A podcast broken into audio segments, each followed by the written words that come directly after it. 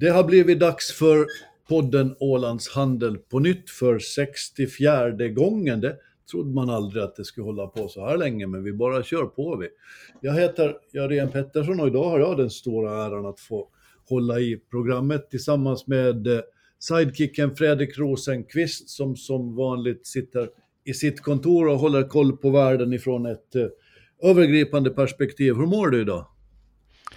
Jag mår alldeles strålande. Hur är det själv? Jo, Ha? solen skiner här alltså. Det är jättevackert väder idag.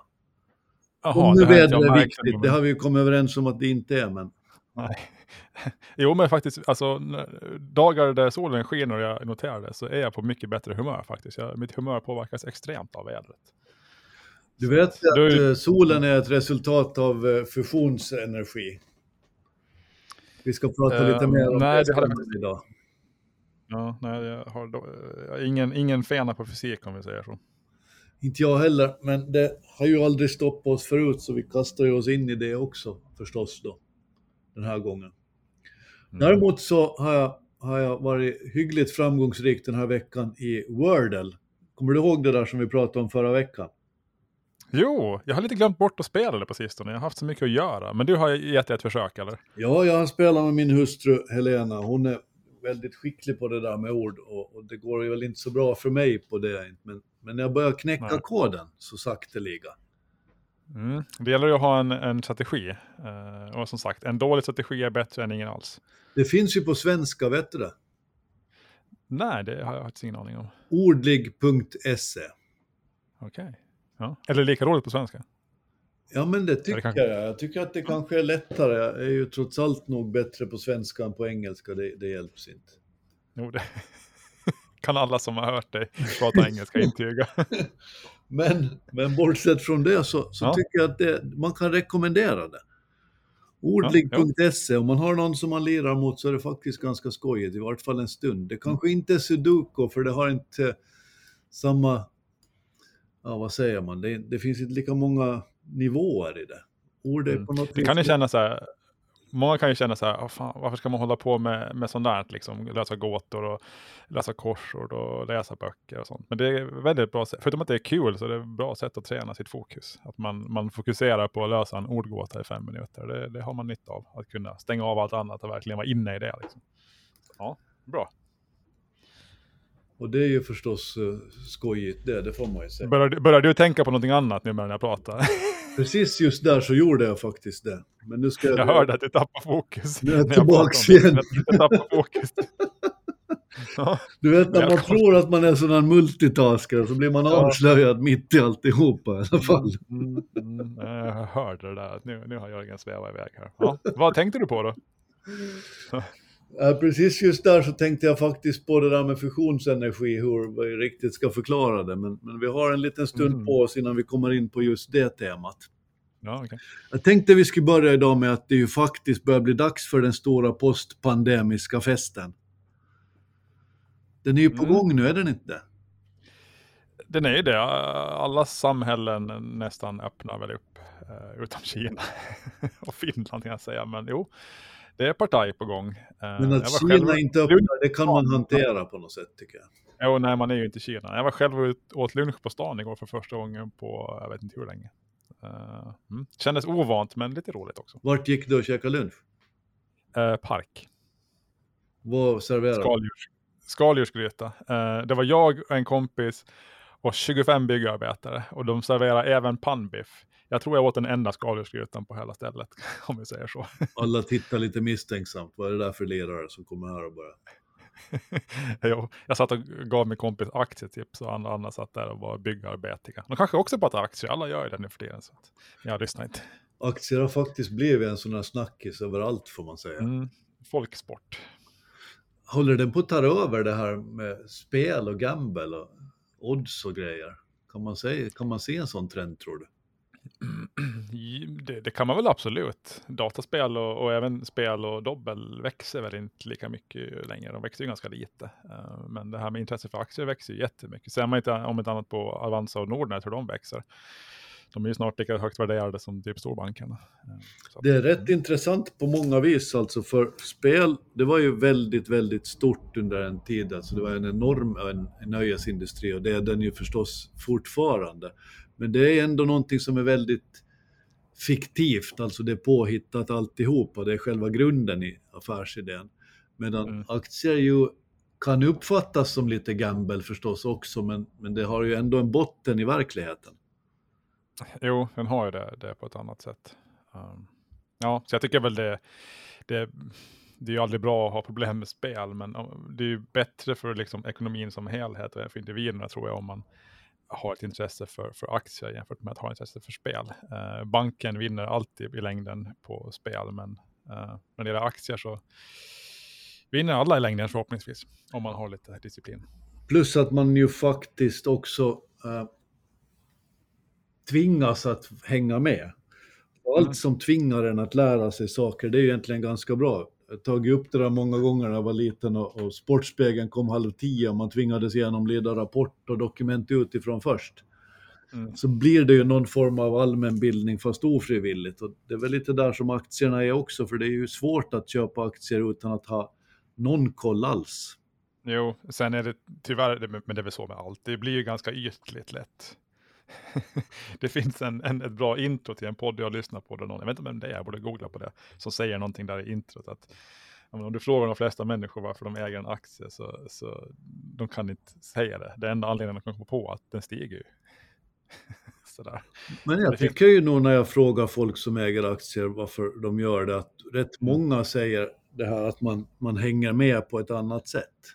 Jo, jo, ja men så är det nog. Eh, speciellt här tror jag på Åland. Vi har ju en tradition av att titta på bolagen och förstå dem och äga bolag vi förstår oss på. Eh, jag tror kanske inte det finns lika många som, som ja, hakar på de här heta trenderna på Åland. Vi har ganska bra kunskap helt enkelt på Åland. Eh, och det är inte så konstigt för vi lever ju de facto i två världar samtidigt. Vi, vi, vi finns ju både i Finland och i Sverige. Mm. Jag tror att en, en, en, vanlig finländare som är mest koncentrerad på det som händer i Finland och på samma sätt i Sverige. Mm. Så en vanlig svensk mest är, intresserad av det som händer i, i Sverige. Vi, vi, är ju ändå tvungna till följd av vårt läge och allt vårt handelsmönster och, och allt sånt att, att hänga med på båda platser.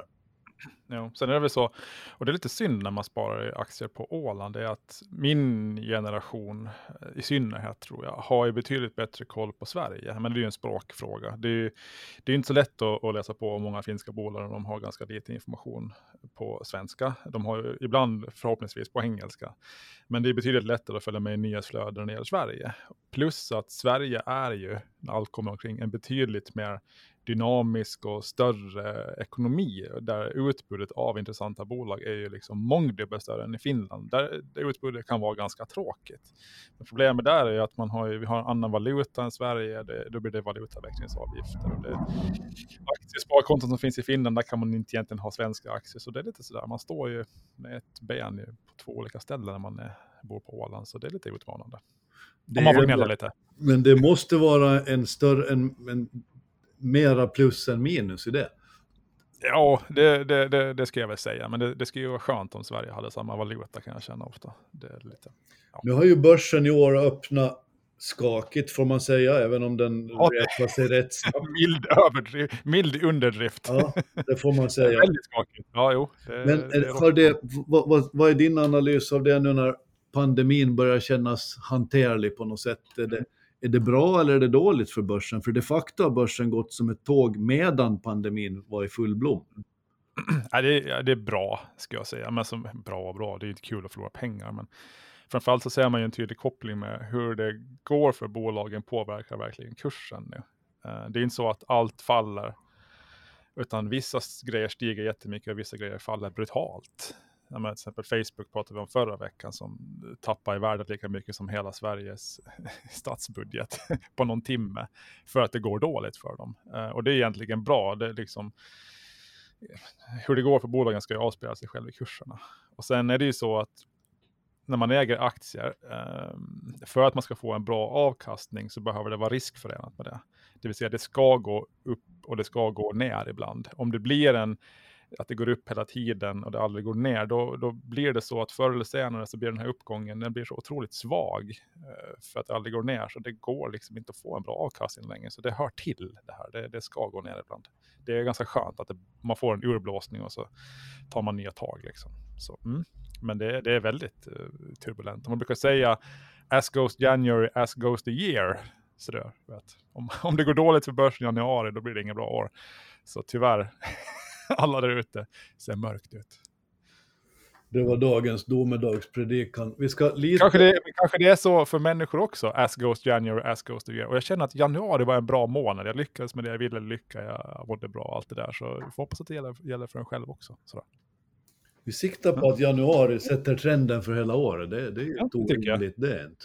Ja, vi har ju en sån årsräkning som börjar med det. Så. Mm, mm. Om vi går till Finland så är ett av de bolagen, det är många som har redovisat jättegoda resultat nu under den här begynnande rapportperioden. Men ett av de som verkar ha gått bäst av alla så är Kesko som gör rekordresultat och ökar vinsten för var det sjunde året i följd eller någonting. Mm.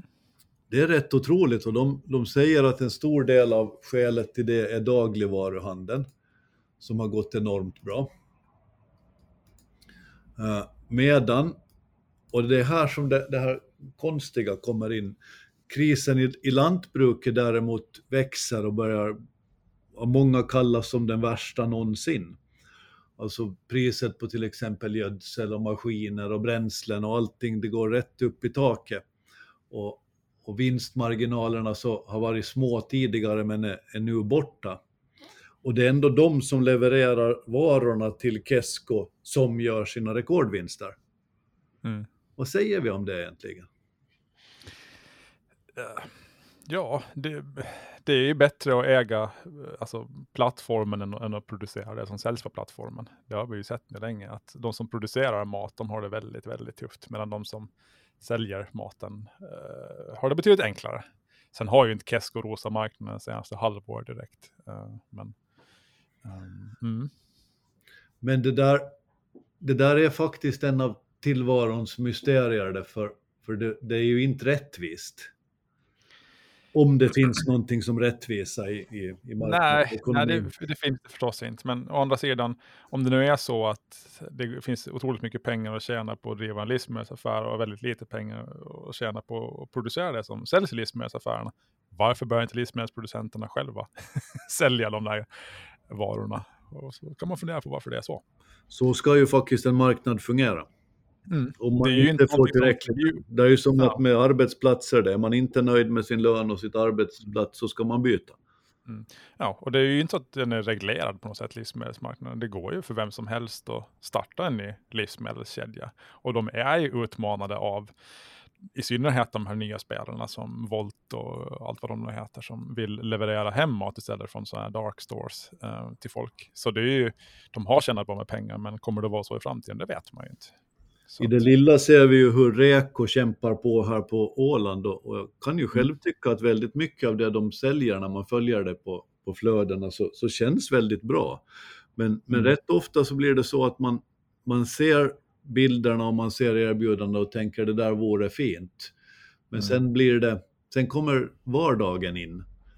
Att man eh, ska, ska ställa sig och, och, vänta på att hämta de där varorna, man måste göra det på ett speciellt sätt och då är det ju faktiskt enklare att åka till en, till en butik och få allting på en och samma gång. Man blir praktisk. Ja, det, ska ju vara, det ska ju vara on demand som allt annat. Folk har inte tid att se på Rapport halv nio, utan man vill se på nyheterna när, när man har tid och när man själv vill. Eh, så, ja, eller på sin tv-serie eller vad som helst. Inte liksom att rederier går då, då, då bänkar man sig, utan man har sina Netflix-serier och man ser när man hinner. Liksom. Och så är det väl med allt annat i livet. Att man, det är svårt att anpassa sig om man ska hämta mat vid en viss tid varje vecka. Det funkar inte med diskpusslet. Man vill kunna åka till butiken halv tio på kvällen och handla om det behövs. Sådär. Så att, det är därför de här som, som levererar hem mat, de är ju helt sjuka leveranstider. Alltså, de, kan, alltså förväntningen är att man ska kunna beställa och sen ska de en kvart senare så ska de stå där med matkassen. Och så, du sätter på pastavattnet i princip och, och sen, jag har ingen pasta, då beställer man pasta och sen före vattnet börjar koka så ska de stå där med, med, med liksom pastapaketet. Men ja. Just in time har man kallat det länge inom transportbranschen. Jo, jo, men Att man har aldrig egna lager utan någon annan får ha det eftersom ett eget lager kostar. ja, och nu ska våra, våra skafferier vara på samma sätt. Utan någon annan får ha lagret bara så beställer vi när vi, vi behöver. En kompis till mig sa länge att det här med att lager, det, det, enklaste form av lager som finns det är ju en frysbox egentligen som man har hemma. Där lagrar man mat för att man ska kunna se, äta det senare. Men, men det är ju, Mm. I praktiken blir det så att det blir det dyraste sättet som finns där man förvarar mat som senare ska kastas. Jo, det är så. det. Det, var, det har varit otroligt ute med lager väldigt länge. Pandemin ändrade lite grann på det där. De som hade, satt på lager med konstiga chip och slangar och allt möjligt, toapapper som folk mitt i allt behöver, de var ju kungar då. Så att man vet aldrig. men det finns å andra sidan ingenting tycker jag som en butik som man kommer till som har allt. Det är Nej, så skönt när du ska ha någon konstig pryl till någon bil eller vad det än är för någonting och komma in till en butik där, där hyllorna dignar och så står det en lirare där och, och frågar vad man vill ha för någonting och så frågar han vilken årsmodell. Och så är han borta i två minuter och kommer tillbaks med exakt rätt del. Mm. Det, det, ingenting går upp mot det egentligen. ja, någonting finns det som går upp mot det, men inte mycket. Nej. En som har insett det här på det stora planet så är de, de här containerrederierna. De tjänar alltså mer pengar än vad man kan begripa just nu. Och hela containerbranschen är ju en del av det här just in time-tänket, alltså där man inte själv har lagren utan man förlitar sig på att transportkedjorna fungerar. Nu till följd av pandemin så har dessa transportkedjor inte riktigt gått som vanligt, för att uttrycka det försiktigt. Eh, och det har gjort att priset på containrar har stigit rätt upp i taket. Och särskilt transporten på dem. Igår, tror jag att det var, kom AP Möller Maersk som är ett av världens största containerrederier med beskedet att de gör rekordvinst, alla kategorier. Deras eh, eh profit steg med 55 procent till 61,8 miljarder dollar. Det är så mycket så i vart fall jag tappar greppet om det. De har ett kassaflöde på 16,5 miljarder. Och, och de har tjänat hur mycket som helst på det här och de förväntar sig att det ska fortsätta åtminstone halva det här året innan det börjar bli ordning på transporterna igen. Eh, Det här är ju bra för dem. Det är dåligt för konsumenterna, gissar jag, för det är de som ändå måste betala det till sist. Men om man ser det långsiktigt så ger ju det här faktiskt möjlighet för till exempel då Maersk att, att investera i miljövänlig teknik på riktigt. Och det här gör ju då att, att den här nu problemen som uppstått på containermarknaden till exempel kan generera tillräckligt med pengar för den nödvändiga omställningen. Mm. Alltså marknaden funkar. Ja. ja, det är ju omöjligt att ställa om om man inte har pengar. Det är så absolut. För där ser man ju att, att det finns ju väldigt mycket teori, teorier om när man ska bli hållbar och hur man ska göra Mm. och att man inte ska använda fossila bränslen och sånt. Men, men det, är ju, Mm. det stannar ju rätt ofta vid drömmar eftersom man inte har råd att köpa en elbil eller man har inte råd att göra det ena med det andra. Mm. Sen tecken i tiden var väl, jag läste i Dagens Industri, var det igår, att något av Stenas rederi ska konvertera sina, sina oljetankers till containerfartyg. Det har stått på Ålands Sjöfart vill jag bara påminna om. Jaha, okej, ja men vad bra. Vi, vi, vi, jag tänkte vi skulle prata lite om det också, men det är lika bra Ja. att vi tar det med en gång, för Vi det, har, vi har outade redan att det är de verkligen ett tecken i tiden. Alltså. De har något, E- ska byggas om till, till, till containerfartyg. och det är en helt otrolig grej egentligen. Den samlade branschens experter väckar sina pannor och säger att det där går inte. Det är omöjligt, man kan inte. Men varför inte? Mm. Nej, om, om, om fr- fraktraterna för, för, för olja är som de är och, och för container är som de är så är det väl värt ett försök tänker jag. Det säger däremot ganska mycket om, om dilemmat och utmaningen för de som ägnar sig åt oljeverksamhet eller oljerederier, tankrederier. De, de har, just nu så är frakterna nere i källaren, där de varit väldigt länge. Och, och alla säger att det måste vända. Det är bara det att man har inte sett något tecken på det riktigt ännu. Och nu håller de Mm. sakta, sakta på kryper upp, men det går långsamt. Och därför Mm. är det förståeligt, det här Stena-rederiet, det är Concordia Maritime. Eh, de har varit nere i brygga i ett, två års tid. Stena måste gå in och ta över fartyg och, och de, deras ekonomi är faktiskt inte bra. Så det här är väl ett försök att visa på andra möjligheter. Eh, och de säger också att om inte oljemarknaden vänder snabbt nu så kommer det att kräva väldigt dramatiska åtgärder.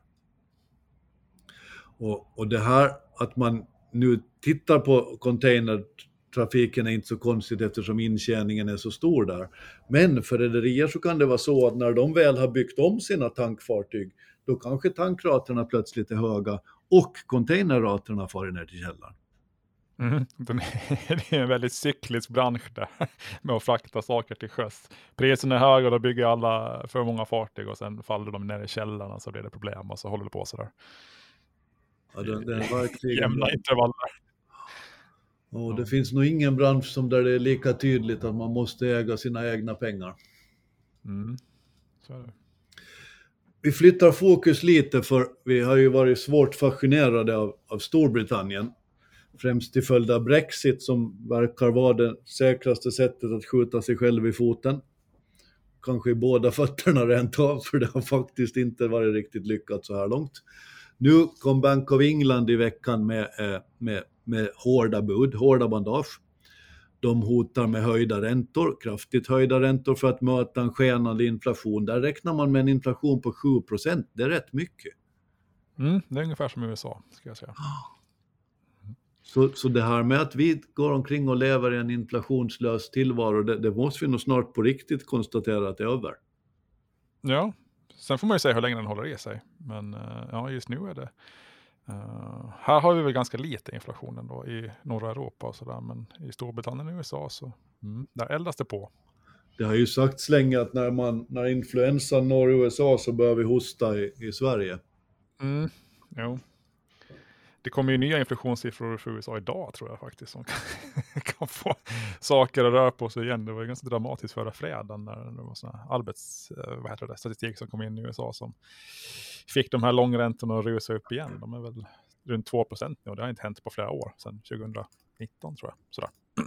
Det där, är Så det är väldigt, en ny värld lite grann. det där är väldigt konstigt när vi pratar om USA, för samtidigt som, som jobbsiffrorna tycks starka så, så är också en av nyheterna där dagligen att rekordmånga lämnar sina jobb. Mm, jo. V- vad beror det på? Ehm, ja, det finns många olika orsaker, men utbrändhet är väl en orsak som gjort att många har slutat. Ehm, Pandemirelaterat också det? Ja, pandemirelaterat och, och utbrändhet. The Great Resign. Så det har gjort att den här debatten om fyra dagars arbetsvecka har, har kommit igång igen i USA. man, gör, man diskuterar det med jämna mellanrum och sådär. Och sådana liksom sätt och sådär. Men det, det blir ju aldrig till någonting. Men nu, nu är det på gång igen då sådär. Hur man ska liksom skapa en situation som gör att vi, de i USA, eh, vad heter det, kan jobba utan att gå in i väggen. För man ska veta att arbetsdagarna och mängden jobbade dagar per år i USA ökar hela tiden. Man jobbar bara mer och mer och mer där. Här är det inte riktigt så, men i USA är det så. Det, de jobbar väldigt mycket. 40 timmar i veckan, det, det är nästan ingen som håller sig till det, utan det är ofta mycket mer. Eh, och det är ju inte speciellt hållbart i längden. Det kan ju rent av vara så då att den nordiska modellen kanske inte är så dum i alla fall. Eh, nej, det, det, mycket ta, talar för det. Jo. För om man ser, det är bara att jämföra det med kompisar i USA, alltså det, de, har ju, de har ju tur om de har tre veckors semester. Mm, precis. Så, Och det är ja. vad man har det. Mm. Så det är väl en, en teori om varför det, det många säger upp sig just nu. Det är på grund av att de, de orkar inte helt enkelt. Så. Fast det är fascinerande att följa hur, hur det här nu sker i Storbritannien. Ser du någon, någon riktig lösning där då? Det, om du ser på siffrorna. Ja, jag vet inte. Jag, jag är inte så jätteinsatt i Storbritannien. Jag är inte lika stor anglofil som du, Du är inte. faktiskt. Jag vet vem Bojo är. Ja. Eh, och jag har varit i London ett par gånger. Sen, de har ju lämnat EU tänker jag. De lämnar mitt medvetande också lite grann. Det är ju lite så det blev. De blev ju lite isolerade där alltså. Men de nyheter som kommer ifrån, ifrån England, de, de är rätt förskräckliga. På många sätt Ja. alltså. De har ju den här Boris Johnson nu, han, han är väldigt under eld. Ja, Försöker byta fokus och sätta på Ukraina-konflikter och annat, men det, det lyckas inte riktigt. Och, och allt mer så börjar jag hävda att det som vi har sagt ganska ofta, att, att han och, och, och Donald Trump, de är, de är ju egentligen enäggstvillingar. mm. Mm. Vi måste gå över där till lite mer Trump också. Det är länge sedan vi har pratat om honom nu, i, i den här podden i varje fall. Men, men det som händer där nu är att han försöker komma igen. Och, och nu så ser det ut som att även the Grand Old Party, alltså republikanerna, börjar spricka. För de börjar fatta att det här är inte riktigt rimligt. Han fortsätter att åka omkring och, och gnälla om valfusk och det ena med det femte. Och, och det som hände här i veckan var att Mike Pence, hans förra vicepresident, nu har sagt att Trump is wrong. Mhm. Och det här har gjort att, att allt fler inom Republikanerna börjar inse att, att, att hang on now, vänta lite, kan det faktiskt vara så? Har vi blivit blåsta? Och, och det, på något vis så får jag, gör det mig glad att det här händer, för, för det säger någonting om tonen i världen, att det, det kanske blir en, en annorlunda, ett annorlunda sätt att förhålla sig till varandra, att vi skulle slippa den här, den här, de här starka meningsmotsättningarna som har på något vis definierat vår värld under de senaste 5-10 åren. Det har egentligen bara blivit värre och värre och nu har det kulminerat i, i antivaxxers och vaxxers och vad man har för någonting där, där tonen faktiskt har varit väldigt rå. Ja, jag såg senast igår eh, en bil på Åland som hade en, en hemmagjord dekal i, bakrutan med ett eh, vaccinbudskap ska jag säga. Eh, mm, Ganska svårt att missförstå gissar jag. Eh, det var faktiskt för vacciner. det var inte emot, så tonen på båda sidor är ganska hård. Eh, sen, eh, sen har väl jag kanske en mer pessimistisk syn än vad du har. Jag, jag tror nästa president i USA heter Donald Trump. Om man, Att det blir ännu värre innan det blir bättre. ja, jo, jo, det blir det blir det. Mm. Det hjälps inte, men det som händer i USA, det är skojigt att följa. Och nu, just nu så roar det mig alldeles oerhört att Elon Musk är under eld. Har du hängt med? Där? det har jag missat. Nej, jag har helt missat det. Vad, vad har han gjort nu? Det är ju så skojigt egentligen, för det handlar om, om hans privatjet. Okej. Där en twittrare har bestämt sig för att eh, berätta om, om var det där privatjätte alltid finns. Alltså en 19-årig twittrare. Ja. som, som nu har lagat en bot då på, på Twitter, Elon Musk Jet, där man kan följa exakt var han flyger någonstans. Och det här har fått Musk att ruttna, för han tycker att det handlar om hans egen säkerhet. Och, ja. ja, det kan man ju förstå. Han är, han är tidvis världens rikaste man. Så. exakt. Och han tycker inte att det är så roligt att hans eh, privatjet följs på Twitter som man kan följa. Nej. Och han, han er, började med att erbjuda denne eh, yngling då, eh, 5 000 dollar för att han skulle plocka ner kontot. Det var snålt. Ja, jag tycker också det. Sen har han Ja. växlat upp lite och erbjöd honom en Tesla. Som han Okej. skulle få använda. Jag vet inte om han skulle få den eller om han skulle få använda den ett tag. Men kan inte bara någon annan göra, göra samma sak då? Är det svårt? Är det liksom inte så här? Eller? Jag vet inte riktigt, men jag tycker Om han, om han betalar en så är det, bara, det gör ju bara nästa samma sak. Och då ska de ha två Tesla istället. Ja, men på Ja. något sätt så känns det som att det, det, ingen växer till himlen. Och, och när världens rikaste man blir, blir utmanad av en, eh, av en 19-åring, då, då, är- då, då, då är det ganska lätt att veta vem man ska eh, heja på. Han, jag, jag ser ju nu även här, jag läser ju på här medan du pratar, att han, man kan även på hans konto följa Drake, Mark Cuban, Jeff Bezos och Bill Gates. Så det är inte bara Musk han... han Nej, det är inte han, bara det, han, utmanar alla. Ja, Men det får mig att tycka att Jack Sweeney, som han heter, han, han ja, känns som en sån här en bra bild på världen. Att när, ja. när någon blir tillräckligt stor så finns det alltid någon som utmanar. Mm, jo. Mm. Och det känns ju väldigt bra faktiskt på många sätt. På tal om det roligaste på Twitter jag har, jag har, har hört om på länge, vet du vad det är? Mm.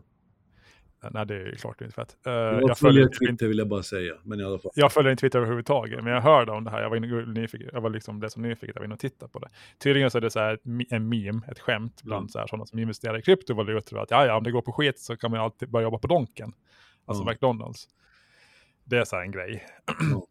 Och nu är det i januari här när, där kryptovalutorna följer så in i helsike bitcoin och alla andra. Då la McDonalds eh, officiella Twitterkonto ut alltså, en mening. Hur går det för er som investerar i krypto egentligen? det där har vi pratat om förut, alltså timing och marknadsföring, det är allt. Ronald finns här ifall det behövs. Det är bara att komma in och flippa burgare ifall, ifall portföljen är tom. Som det nog var för många där. Så att det, var det. det är humor, det, det gillar vi. Så alltså, nu, man borde nästan fira med en McDonalds, men det finns ju ingen på Åland, så det går ju inte. Men, ja. Elegant kommunikation, det är det bästa som finns. Alltså, Ikea mm. har vi pratat om tidigare, som är mästare i grenen. Mm. Ja. Man ser vad som händer just nu i världen och så tar man avstamp ur det och och, och, lite humor med glimten i ögat och det, man kan inte ens bli arg på det där. Inte som man har förlorat en miljon så kan man bli arg. Eller då kanske man kan bli det. Men... Några som har varit väldigt arga under den senaste veckan är de som hade aktier i Facebook. Vad vet du om det just nu?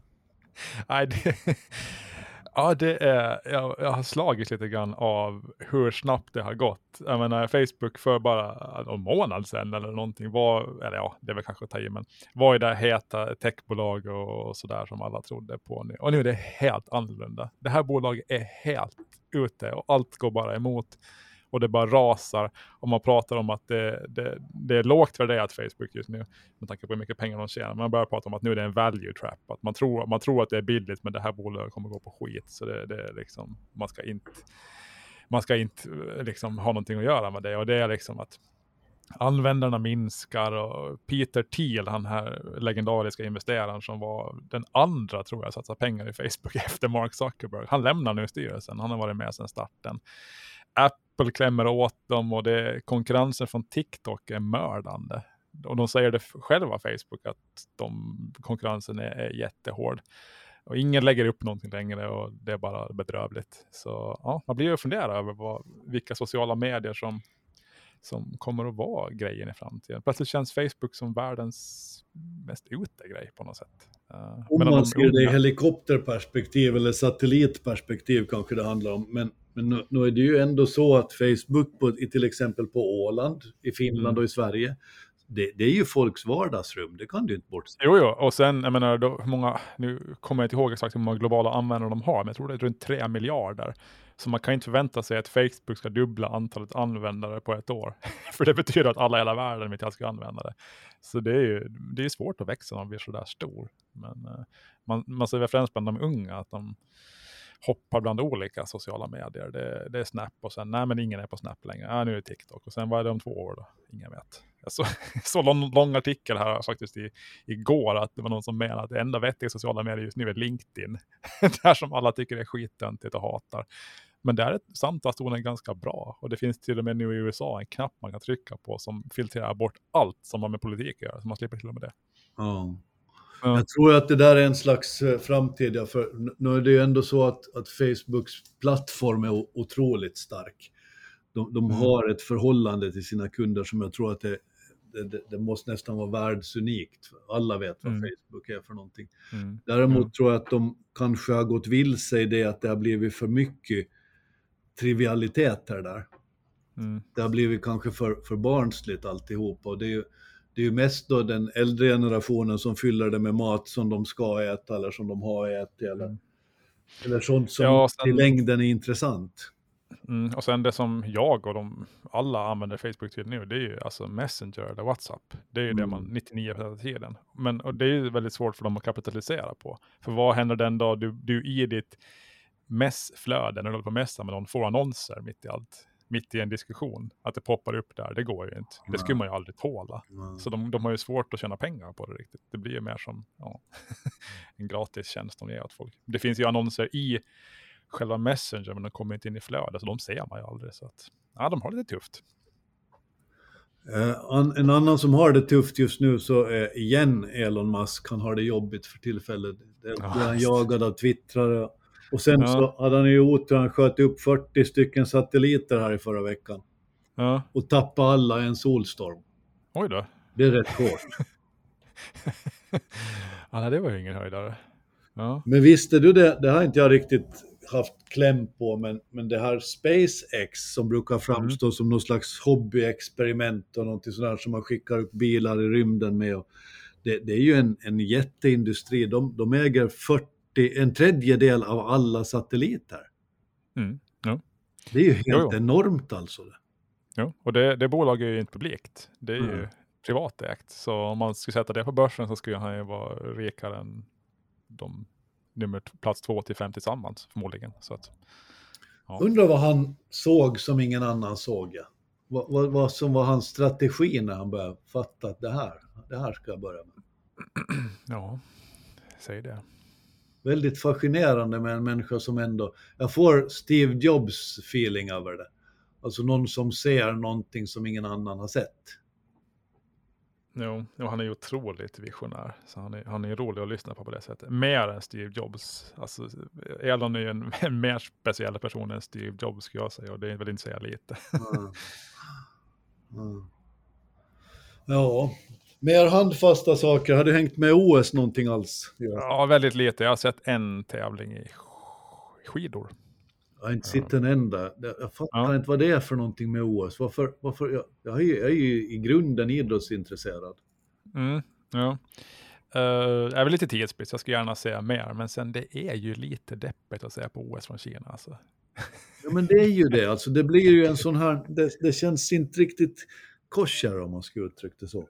Nej, det känns verkligen som att det här äger rum i en, en, en diktatur, en ganska tråkig sån. Man blir liksom inte direkt sugen på att åka till Kina när man ser det. Det är tomt och det är öde och det är massa kontroller och ingen är där och alla bojkottar och det, jag vet inte. Sen tävlingarna i sig är ju roliga, men ja, man, eh, man ser även på alla stora sponsorer som är med och sponsrar då Kina, fast de låtsas vara ansvarsfulla, de, de skäms nästan för det. Det, det genomförs liksom inga stora kampanjer och sådär.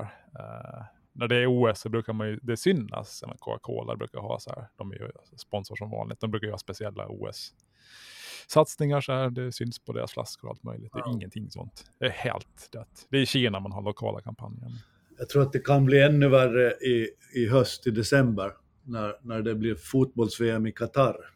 Ja, bara att det ska bli fotbolls-VM. Men det, det går att identifiera säger sig med fotbolls-VM om det är i Frankrike eller om det är i USA eller om det... Mm. Till och med när det var i Ryssland gick det på något sätt att, att känna, för, känna hur det var. Mm. Men Och sen man vill ju liksom inte se alltså, det här sport när inte publiken är på plats riktigt. Och det, det, det ska ju stå när det är skidåkning, så ska det ju stå liksom schweizare med sina kobjällor och norrmän som viftar flaggor och sådär. När det är så här typ öde, som att det är ju inte så pepp liksom. Men, Hemskt underligt. Ja. Eh, en som däremot gjorde resan från Kina med, med, med buller och bång var Viking Glory. mm, Följde du sändningen när den kom till Finland? Nej, det är samma anledning som jag inte har följt OS, jag har inte haft tid. så jag har noterat att hon har kommit till Finland nu, i, till Åbo va? Jo, Ska, man ska Mm. sätta in ölkranar och annat. Fick, piffa till hytterna och sånt. 3000 finländska madrasser ska ombord. Jag tror du skulle säga 3000 ölkranar, det skulle vara någonting. Nej, nej, det, det, Finländska madrasser, okej. Ja, ja. det är ju så i affärsverksamhet att man behöver ha lika delar ölkranar och madrasser de hör ihop. Liksom. ja.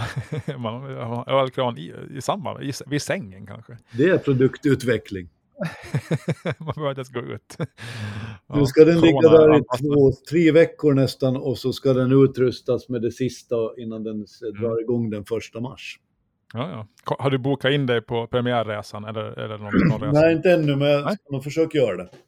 Okej. Den ser väldigt fin ut och, väl, och alla de som har varit ombord säger att den är fantastisk. Mm. Jag tror på Viking Line i det här perspektivet, för man ska, det, det är väldigt mycket som talar för dem nu. Alltså, de har kopplat järngrepp om Åbo-Stockholm-linjen. Mm. Den bör rimligen bli en bra sån över tid. Jo. Och deras konkurrent Tallink Silja så har det rätt köret faktiskt. Ja, det händer inte så mycket där, nej. Mm. Så det kan mycket väl vara så att Viking Line har positionerat sig perfekt just nu. När kommer den till Åland? Alltså kommer det bli som förr? Att alla ålänningar går ner till, till, till Korvik och, och Västerhamn och tittar på den nya fartyget kommer in. Det är ju en gammal åländsk nationalsport. Med, med närmast 100% i sannolikhet ska jag säga att det blir så. Jag tror jag måste gå dit, få dit själv. Ta med mig sonen. Och... Ner till Korvik, det är ett måste. Man åker ner till Korvik när båten kommer Ja. in först. Jag är uppvuxen där vid Korvik, så det är som, det är, Ja. jag, man kan ju få hem på samma gång. Liksom. Man, man, man ser från min mammas gata, alltså från mammas hus, så ser man skorstenarna på, på fartygen när de kommer in. Sådär, så att, mm. Och det är ju bra, för när man kommer in till Mariehamn finns det ingen bro som man måste riva först. Det är inte alla som har det så lätt på Despana. Nej, Jeff Bezos lyxjakt som byggs i Holland på ett varv. Den måste passera en, en stål, under en stålbro i Rotterdam som är jättegammal, typ 100 år. De måste, de måste riva den för att, för att, för att båtskrädet ska komma under bron. Annars kommer den inte bort. Jag läste om det där, jag, jag, jag tänker så här att är det, är det en överraskning så då, då vet jag inte riktigt vad jag ska säga. Nej, räknat på det från början. nej, man hade väl räknat på det, men så de gör det väl säkert gladeligen. Han, han betalar väl säkert för sig också, han har ju råd. Han, han, han, han lever ju liksom, alltså det, där snackar vi 50-årskris deluxe efter han sagt upp sig från, han sa upp sig från jobbet och skilde sig och nu är det liksom, han åker i rymden och han köper världens största lyxjakt och han, han springer runt och, i konstiga kläder och typ som jag i jeans fast han är egentligen för gammal för det och sådär. Så det är roligt att följa hans, hans färd, hur det går. Ja. Men han äger väl fortfarande Amazon och sånt här. Jo, jo, han är en av de stora ägarna, men han har, han har ju slutat som, som ja, men operativt i bolaget och lämnade det ifrån sig. Så att, mm. eh, 127 meter lång eh, lyxjakt ska, han, ska det byggas. Eh, arbetsnamnet U, Y721 byggs av holländska varvet Oceanco, kanske det uttalas. Mm. Han, han, är, han måste ju nästan komma till Åland. Hade vi inte redan klart för oss det tidigare tycker jag? Känns Jo, eh, vi får hålla utkik efter den där. Den ska snart vara klar. Antagligen till sommarsäsongen då, så får vi se om han passar på att köra ett varv till Åland. Det tycker jag att han ska göra. Då ska vi gå ner till Korvik tror jag. Mm. Det måste vi nästan göra. Ja. Du, nu ska vi byta ett ämne och kasta oss in i någonting som i vart fall jag inte begriper mig på, men det har ju inte hindrat oss tidigare. Och jag tror inte att du heller begriper dig på det, men vi måste Nej. prata om fusionsenergi. Mm. Fusionsenergi är då, är då någonting som, som kunde vara den perfekta energikällan för framtiden. Det- Ja, man har ju sagt det ganska länge, men det har har ju Ja. aldrig blivit så. Man har sagt det hemskt länge. Och, och det, det är ju samma processer som gör att till exempel solen lyser och sånt här. Alltså det, det är väldigt svårt. Man, man, för att man ska åstadkomma en process då för att få den här energin så måste man ha en temperatur på över 100 miljoner grader Celsius och ett väldigt högt tryck. Där säger man faktiskt ingenting. Mm. Men det intressanta är att hela världen har samlats kring olika former av fusionsenergi. Det finns samarbeten som inkluderar Kina, Japan, Sydkorea, Indien, Ryssland, USA, alla möjliga. Alla gör det. Och det här är sånt som inte syns i vardagen, utan där pratar man Ukraina och sånt här. Men, men under ytan så pågår det ett enormt arbete och tydligen så fick man ett genombrott i Storbritannien, av allas platser. När de inte bråkar om, om Bojo har festat Mm. eller inte, eller funderar på Ja. ex Brexit och, och, och dess konsekvenser, så utvinner man där energi och håller på med fusionslösningar, fusionsenergi. Och där lyckades man här om dagen skapa fusionsenergi under fem sekunder. Okej, det var ju inte jättelänge. Det låter ganska kort, men det beskrivs ändå som ett genombrott. Ja. För om du lyckas med det här så kan du skapa fyra miljoner gånger mer energi än olkolja och gas. Okej. Och under de här fem sekunderna då, nu, nu är det här, jag vet inte riktigt vad det, hur det funkar. Var det inte sex? Eller? Ja, det kanske det var sex sekunder. jag. Men man fick ihop i alla fall 59 megajoules, säger de, som kunde Ja. ha försörjt 35 000 hem. Ja. Jaha. Och, och, Mm. och den här byggnaden som man gör det här i heter Tokamak, ligger nära Oxford. Den lär ska likna på en munk, Okej. Vad, tror vi om det här? Det här är, det, det, om, om man lyckas med det här så är ju liksom alla våra problem över. Det sa man ju när man eh, kom på fissionen också. Nu, nu ska jag blotta min okunskap om fysik, men fission, kärnfission, det är när man klyver atomer och fusion, det är när man slår samman atomer, tror jag. Ja. Så det är typ samma sak, fast tvärtom. Så Ja. fission är det vi använder i kärnkraftverk och fusion, ja det använder vi inte alls. Det finns typ i stjärnor. det är för svårt att göra helt enkelt. Ja, och problemet har väl varit att det, ja, det, är, för, det är dyrt. Det har aldrig liksom lönat sig att skapa energi på det där sättet hittills. Nu vet jag att det pågår återigen en massa forskning och försök med att skapa energi, genom fusion. Och vissa tror ju att det här kommer att bli framtiden. Eh, Men man vet ju inte. Det är svårt att säga det. Men vi nöjer oss med att önska dem lycka till. Det, tycker jag. Det, Mm. det här är ytterligare ett tecken Ja. på att, att människan är ostoppbar. Ja, jag, jag, jag är inne och tittar på lite formler här för exempel på kärnklyvning och exempel på kärnfusion. Det blir man inte så klok av. Det, det, det, ibland så ångrar man sig att man aldrig eh, var mer uppmärksam under fysiklektionerna. Nej, men jag har ingen fallenhet för fysik, så man ska göra det man är bra på. Mm. Ja. Det gäller att ta reda på vad det är.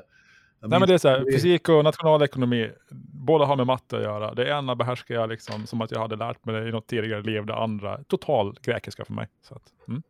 Jag hade i Lysse så hade jag Alf Friman som läckte. Jag gick långmatte, obegripligt varför, men jag gjorde det. Lyckades ta mig igenom. Men då hade jag Alf Friman, stor Frippe kallad, i Jaha. fysik, matematik och kemi. Han var en mycket, mycket speciell man. Han kunde rita perfekta cirklar med båda händerna samtidigt. Han skrev lika bra med vänstra som med högra handen.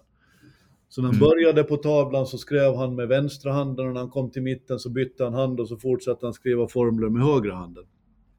Det ja. var ju helt obegripligt för oss det. Ja. Men det gjorde han i alla fall och han kunde allt. Sen gick han i pension och så råkade det sig att jag var och gjorde en intervju med honom när han fyllde kanske 70. Ska låta vara osagt. Och då satt han hemma i sin, sin pensionärslägenhet och, och byggde mekano. Han hade ett av de största mekanon som jag tror att världen har sett. För de som inte är typ 70, vad är mekano? Mekano är byggsatser. Vet du inte vad mekano är? Har du aldrig hört talas om mekano? Är det Ja, jag, ja, men jag, jag, det ringer någon klocka, men jag vet inte vad det är. Jag, Men herregud, mekano är, är det, det är plåtdetaljer som du skruvar ihop till byggnader eller tåg eller fissionsfabriker eller vad som helst. Mekano, som- alla vet ju vad mekano är. Är det sant att du inte vet vad mekano är? eh, så det är som lego. Det är som lego i stål. Det är som lego fast ingen ägnar sig åt det. Så fast inte lika framgångsrikt, eller? Mekano Alla är vet- det nu här. Ja, men Det kan... Okej. Ja, det går att köpa på Ver- här. Ja. Man kan bygga en livskran. Ja. Just det. Mm. Kanske, eh, ja. Men han byggde i alla fall mekano. Också så att han funderade på svarta hål, hur de Ja. uppstod. Och var tveksam till att den som hade löst Fermats problem, ett matematikproblem, om den verkligen hade rätt. Jaha. Det, det, det, där, det där stannar kvar hos mig alltså. Storfrippe, han, han var en nyfiken man, han finns inte längre bland oss tyvärr. Han var en nyfiken man som aldrig gav upp. Ja, okej. Och han var besatt av de här sakerna. Han skulle älska det här med fission. Han skulle räkna på det direkt och skulle han kommit fram till att hmm, det där kanske kan stämma. Mm. Eller så, att, nej, det där. Lägg ner. Satsa på istället. Han skulle ha haft Ja. ett svar. Ibland så saknar man de som har svar på saker. Ja. Ja, ja, ja. Mm. Hur gick det när du skulle se upp ditt eh, Wall Street Journal? Du hade lyckats med det? Och ja, så Jag såg dig på det funkar inte veckan. Jo, jag, jag gjorde det i, vad det igår. Och tyvärr så funkar inte min, min gamla app som jag spelar in samtal med. Den, den vägrar spela in. Så ja, det, det, tyvärr så har, har jag ingen bevis på det här. Men jag ringde upp och så sa jag att jag ville säga upp mitt abonnemang. Och jag ville då, orsaken till att jag gjorde det här var att jag ville få ner priset. För det skulle stiga från 4 dollar, dollar till 40, vilket ju är För ganska mycket. eh, för mycket. Ja. Så ringde jag och sa att eh, jag vill säga upp. Så sa han så här på perfekt engelska, varför det? Ja, det är för dyrt, så jag. Så sa han så här, jo, jag säger här att du kan få ett specialpris som gäller för Europa, så då kostar det vad det nu var, 9,90 eller någonting. Och så sa jag, 9,90 är fortfarande betydligt högre än 4, så det är fortfarande för dyrt. Och då tänkte jag så här, nu kommer han snart med motbud att okej, du får det för 4 här så kan jag fortsätta prenumerera. För jag ville ju fortsätta prenumerera. Ja. Då sa han, okej, eh, du kommer att få ett e-mail och din, eh, din prenumeration avslutas den 24 februari. Och så la han på. Nej, Jo, så det bara, jag vill ju inte ens säga upp det egentligen. Men, ja, så nu, men jag tänker att det kommer snart att, jag kommer snart att bli mailbombad på Facebook och i min e-post med massa erbjudanden på, på teckna ett billigt, billigt abonnemang på Wall Street Journal. Men det var lite snopet att det gick så lätt. Ja, men han måste ju haft en dålig dag då, för när jag gjorde Ja. samma manöver så Ja. fick jag ju sitta i tio minuter och förklara Ja, men det gick skulle på två, på två minuter. Och jag hade inte ens begripit vad som hade hänt innan jag inte hade abonnemang kvar. Och när han sa att det kommer att komma ett mail, men när han sa det, då kom mejlet. Ja, men vad hemskt. Ja, Man så ja. De har bytt fot nu då alltså, det var ju också en spaning. Mm, det kanske han hör det kanske på mig att det här är en man som har bestämt sig. Ja, det var var hemskt konstigt tydlig. för jag hade bestämt mig, jag ville inte ha den och ändå så höll de på och försökte. Och jag ville ha den, men... Mm, så det var ju lite ett fiasko. Eller det var väl bra kanske. Eh, jag har svårt att hinna med att läsa ändå, men ja, jag ska nog ha den igen snart. Kanske borde ta Financial Times, kanske det står mer om Bojo där. Det gör det garanterat. Där brukar Mm. de ha, det är faktiskt en av de riktigt bra tidningarna. Jag tycker att de eh, eh, har en mer mänsklig ton än Wall Street Journal. Jag tycker den är ganska teknisk till sin natur faktiskt. Jag tycker Mm. att det finns bättre stories i Financial Times. Mm, okej. Den berättar mer om människorna. Mm, kanske får den ett, eh, ett försök. Mm. Mm. Yes, vad behöver vi mer att ta upp idag? Nej, jag tycker det räcker så. Vi kan väl gå in på våra hyllningar. Vi gör det. Vem tänker Ja. du hylla idag? Eh, alla företag som ger bra service. Eh, jag tror det, det kanske inte underskattat hur viktigt det är, men det är jätteviktigt. Jag, jag, jag hör, berättade i förra avsnittet om att jag håller på att köpa en ny bil och var lite frustrerad över att ja, alla bilföretag kanske inte ville sälja en bil, vilket är lite märkligt när det är deras jobb. Men valet föll till slut på en, en bilfirma som faktiskt gav jättebra service. Eh, kom liksom, jag skickade en fråga på mejlen så här, kom svar på en söndag. Det är kanske inte så sunt att sitta och svara på mejl på en söndag, Nej. men det var ändå lite trevligt och de var väldigt trevliga och hjälpsamma allihopa. Så att det fällde avgörandet helt enkelt. Mm. Jag skulle ha re- reagerat nästan tvärtom. Jag blir alltid misstänksam när jag får ett svar för snabbt på mejl. Ja, Och om det kommer under en söndag så tänker jag, tar de här faktiskt hand om sig så som de borde? ja nej, men jag, jag, jag, jag fick- ändå känslan att det var en, en sund person. Ja. Men det är det ju antagligen alltså. Det är bara, det är bara jag. För jag tycker att när, när, när man ser att folk alltid är online så, så tänker jag Mm. alltid att är det här bra för dem? Ja, men min, min liten, den, den, den grejen jag hade en hang-up på var att det var så otroligt svårt att få svar från de andra. Och sen när den, den ena var väldigt noga med att svara, till och med fast det var söndag, då var det så här, ja men då. Så att, mm. Men jag har inte fått bilen ännu, jag får den först nästa vecka. Tidigast. Vad är det för färg på den? Grå, men Fredrik, kom igen. jag vet. men du, man vill ju egentligen ha en svart bil och det har jag haft ganska ofta. Men problemet med att ha en svart bil är att du har en svart bil ungefär 1% av året och de övriga 99% av året så är den typ gråbrun för den är så jäkla skitig. Om du har en grå bil från början då är den grå hela året. Så jo, jättevuxet och tråkigt. Men Säger Fredrik Rosenqvist, 87 år gammal och läser Ja. på livet. mm, automatväxlad, du vet, så man inte behöver växla, det är jobbigt. Vi har mycket som vi måste prata om nu tror jag innan vi är färdiga med det här. Jag tror att jag börjar få fason på det, men det, det är ju bara människor som tillbringar sitt liv framför Excel-ark som köper grå bilar egentligen. Ja, faktiskt, men det är väl bara att bejaka sig själv liksom.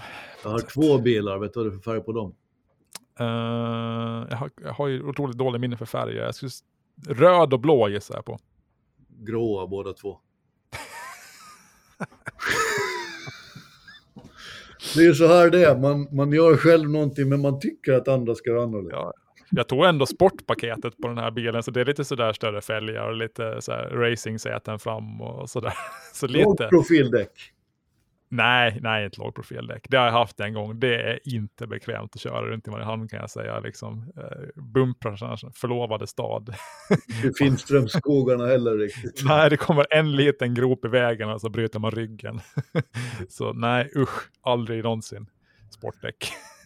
Jag vill idag hylla Thomas Tenström, en 25-årig ålänning som har gett sig iväg ner till eh, Litauen och kört isjakts-EM. Och vann. Ja, Sånt, sånt inspirerar mig, jag tycker det är så Ja. häftigt. Eh, Ja. Isjakt har jag aldrig testat för det är antagligen direkt livsfarligt. Men jag hade en god vän som höll på med det Från det att nästan innan isen la till efter att den hade släppt. Det var Torbjörn Sundblom, en märkesman på väldigt många sätt. Han finns inte heller längre bland oss, men han var isjaktsentusiast tillsammans med ett gäng andra som höll på nere på Slämmar. Och då gör det mig väldigt glad när den är Thomas Stenström, eh, som tydligen studerar i Uppsala, ger sig iväg ner till Litauen och seglar skjortan av alla andra. Mm. I par med en svensk, Bernhard Rost, så tog de guld i, i dessa Europamästerskap. Och sånt här, jag gillar sånt här. Lite udda sporter kanske, men man bestämmer sig ändå för att bli duktig på det. Och det är ett slags nörderi i det. Nu råkar jag veta att Tenström också är en väldigt skicklig seglare i, i största allmänhet. Jag tänkte säga att segling är väl inte en jätteudda sport. Men, ja. Den är inte så udda, men isjakt Nej. är nog ganska udda. Den, den, de går ju en 100 kilometer i timmen, kanske mer. Det är helt galet. Ja. Nu är jag lite osäker på släktbanden här, men han har väl en bror som också placerar sig ganska bra i den här tävlingen. Och jag tror deras far sitter vägg i vägg med mig här, så han kanske hör din hyllning nu. Ja, det vore väldigt roligt. Det är en till Mattias Ja. Tenström, jag känner inte riktigt till dem, men det är väl rimligt att det är hans bror då. Och Ja. Willem de Wilde som är, är, är ålänning, de var också med i den här tävlingen. De slutade på 13 plats av 20 startande. Ja, jo. Men sånt gör mig glad ända in i märgen, när folk bestämmer sig för att leva sin dröm och så gör de det och så vinner de. Mm, Det där är mm, så häftigt. Det där slår OS alla dagar i veckan enligt min mening. mm. Det får dock, tycker jag, lite grann, inte jättemycket uppmärksamhet när man åländska seglare, seglare eh, vinner saker internationellt. Det är lite sådär, jag vet inte. Det, är inte, Det slår har ju blivit någon slags konstig mättnad tycker jag. Jag tycker Mm. det där är någonting som skulle vara hur stort som helst. Ja, liksom då förut, vi har tidigare hyllat Marina Donner när hon tog FM-guld i bordtennis. Mm. Det är hur, hur stort som helst. Ja, det, känns, jag, liksom utan att förminska någon så får det lika stor uppmärksamhet när någon vinner en skidtävling på Åland där det har varit en startande Ja. ibland. Ja. Eh, så ja, jag vet inte riktigt. Nu börjar det låta gubbe så nu är det dags Nej, nej, men det var ingen gnäll så. Det var mer att jag tycker man ska lyfta fram den här skidåkningen ungefär som nu, men sen lyfta fram de här som gör saker internationellt ännu mer helt enkelt. Det var mer det jag är ute efter. Man är nyfiken.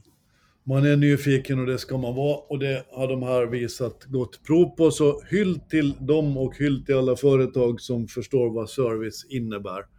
Och hyll till oss för att vi har klarat av det 64 poddavsnittet. Vi är tillbaks nästa vecka igen och ni hittar oss på där alla poddar finns och man kan prenumerera på oss på, på Spotify.